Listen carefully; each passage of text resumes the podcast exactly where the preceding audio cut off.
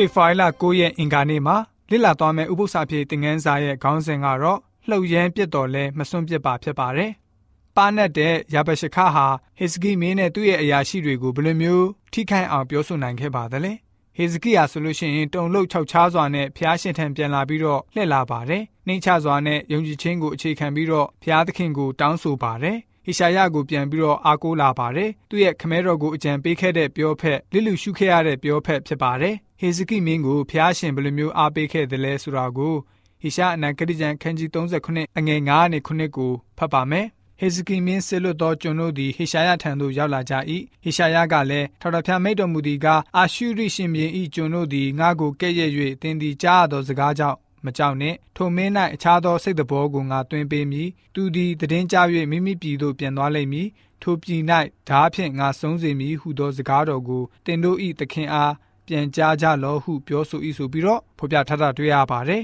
တည်င်းစကားကတော့တူတူတုတ်တုတ်ပဲဖြစ်ပါတယ်သို့တော်လည်းပဲလုံလောက်ပါတယ်ဖျားသခင်ဟာမိမိရဲ့လူတွေဘက်မှာရှိတော်မူပါတယ် ဟေရှာယဟာကြိုတင်နမိတ်ဟောခဲ့တာကတော့တနာခရိတ်ဟာကောလာဟာလာသတင်းကိုကြားပြီးတော့ယူဒပြည်ကိုတိုက်ခိုက်လို့စိတ်အာချိနဲ့သွားမယ်ဖြစ်ပါတယ်။အဲ့ဒီဟောကြားချက်ဟာချက်ချင်းပြည့်စုံခဲ့ပါတယ်။တနာခရိတ်ဟာဟေဇကိမင်းကိုချင်းချောက်တဲ့စကားကနေခဏတာစိတ်အနှောက်အယှက်ဖြစ်စေတော်လဲပဲတာရှည်မှာအလုံးမဖြစ်တော့ပါဘူး။အခုဒီချိန်မှာဟေဇကိမင်းဟာဗိမ္မာန်တော်ကိုတန်းနဲ့မမတ်သွားပြီးတော့အဲ့ဒီအကြောင်းအရာကိုကောင်းကင်ဘုရားအရှင်ထာဝရဘုရားကိုလျှောက်ပါတယ်။ ခေရုဗိမ်လွှမ်းမိုးတဲ့ပလင်ရှိမှအဲ့ဒီသတင်းကိုကြားပြောခဲ့ပါတယ်။ဟေဇကိမင်းဟာဆိုလို့ရှိရင်ဘေးဒုက္ခကြောက်ရောက်တဲ့ယေရုရှလင်မြို့အတွက်ဘယ်လိုမျိုးဆူတောင်းခဲ့ပါသလဲ။ဟေရှာအနာဂတိကျမ်းခန်းကြီး39ငယ်15ကနေ20ကိုဖတ်ပါမယ်။ထိုအခါဟေဇကိမင်းသည်ထာဝရဘုရားရှိတော်၌လျှောက်ဆိုသည်ကခေရုဗိမ်ပေါ်မှထိုင်တော်မူသောဣသေလမျိုး၏ဘုရားသခင်ကောင်းကင်ဘုရားအရှင်ထာဝရဘုရားကိုတော်သည်ဘုရားသခင်ဖြစ်တော်မူ၏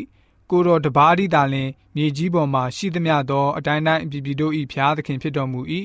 ကိုတော်သည်ကောင်းကင်နှင့်မြေကြီးကိုဖန်ဆင်းတော်မူ၏အိုထာဝရဘုရားနားတော်ကိုလှည့်၍နားထောင်တော်မူပါအိုထာတော်ဖျားမျက်စိတော်ကိုဖွင့်၍ကြည့်ရှုတော်မူပါတနာခရိမင်းသည်အသက်ရှင်တော်မူသောဖျားသခင်ကိုကဲ့ရဲ့၍ပြောစေသောစကားအလုံးစုံတို့ကိုမှတ်တော်မူပါ အိုထာတော်ဖျားအကယ်စင်စစ်အာရှုရိရှင်မြင်းတို့သည်အတိုင်းတိုင်းအပြည်ပြည်တို့ကိုဖျက်ဆီး၍သူတို့၏ဖျားများကိုမိထဲသို့ချပစ်ကြပါပြီထိုဖျားတို့သည်ဖျားမဟုတ်လူလက်ဖြင့်လှုပ်သောတက်သားနှင့်ကြောက်ဖြစ်သောကြောင့်ပျက်စီးခြင်းသို့ရောက်ကြပါပြီအိုအကျွန်ုပ်တို့ဖျားသခင်ထာဝရဖျားကိုတော်ထာဝရဖျားတပါးသာဖျားသခင်ဖြစ်တော်မူသည်ကိုမြေကြီးပေါ်မှရှိသမျှသောတိုင်းနိုင်ငံတို့သည်သိမိအကြောင်းအကျွန်ုပ်တို့ကိုထိုမင်းလက်မှယခု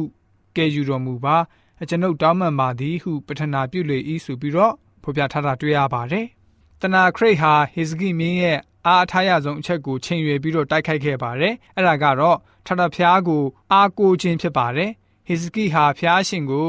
မိမိကိုယ်ကိုဘယ်လိုမျိုးသောဖျားဖြစ်ကြောင်းကိုပြသဖို့တောင်းပန်ခဲ့ပါတယ်။ဟေဇကိရဲ့ဆူတောင်းချက်ကိုခုနကကျွန်တော်တို့ကြားခဲ့ရပြီဖြစ်ပါတယ်။သူ့ရဲ့ဆူတောင်းချက်ကိုကျွန်တော်တို့အနေနဲ့အတူယူစရာအများကြီးရှိပါတယ်။ဟေဇကိမင်းရဲ့ဆူတောင်းချက်အဆိုလို့ရှိရင် ကျွန်တော်တို့ယုံကြည်သူတွေအတွက်ခွန်အားဖြစ်စေပြီးတော့ကျွန်တော်တို့ကိုယ်တိုင်ဘေးဒုက္ခတွေရင်ဆိုင်ရတဲ့အခါမှာ